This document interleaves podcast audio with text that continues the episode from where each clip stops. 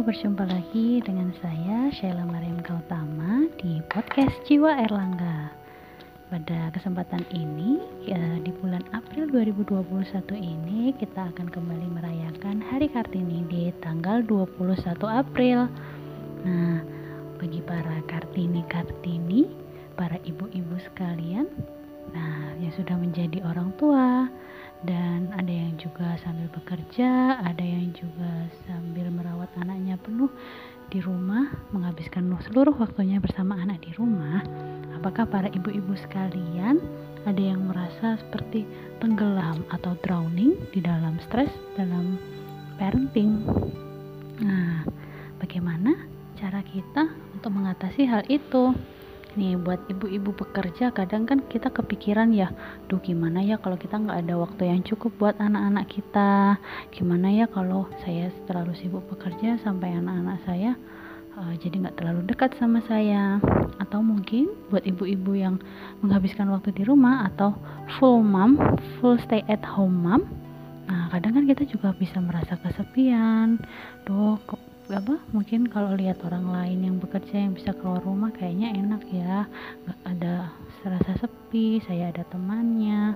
Dan kadang kalau jadi ibu rumah tangga itu malah kerjaan kayak nggak habis-habis ya. Pagi udah mandiin anak masak buat suami tapi kayaknya nggak habis-habis ya kerjaan. Rasanya capek gitu.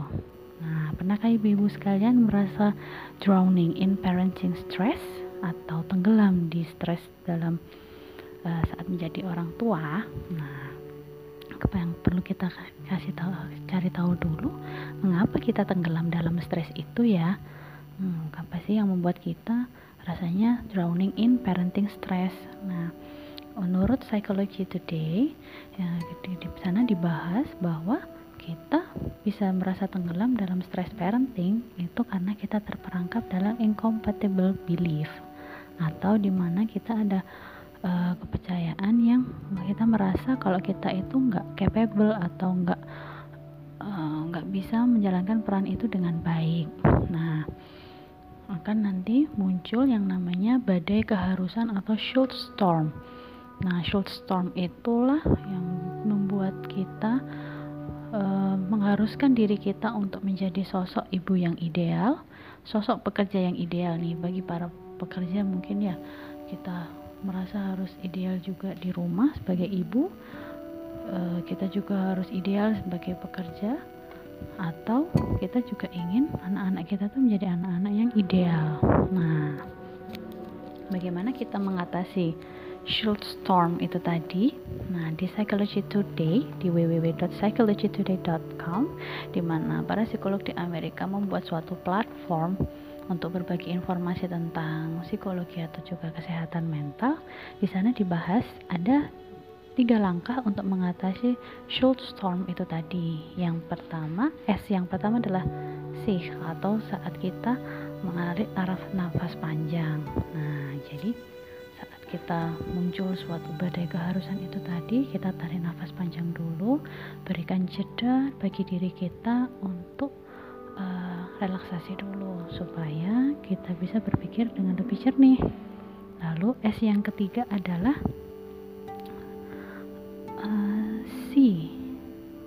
Kita melihat anak kita, kita melihat situasi kita, dan kita melihat dulu apa saja pilihan-pilihan yang bisa kita lakukan.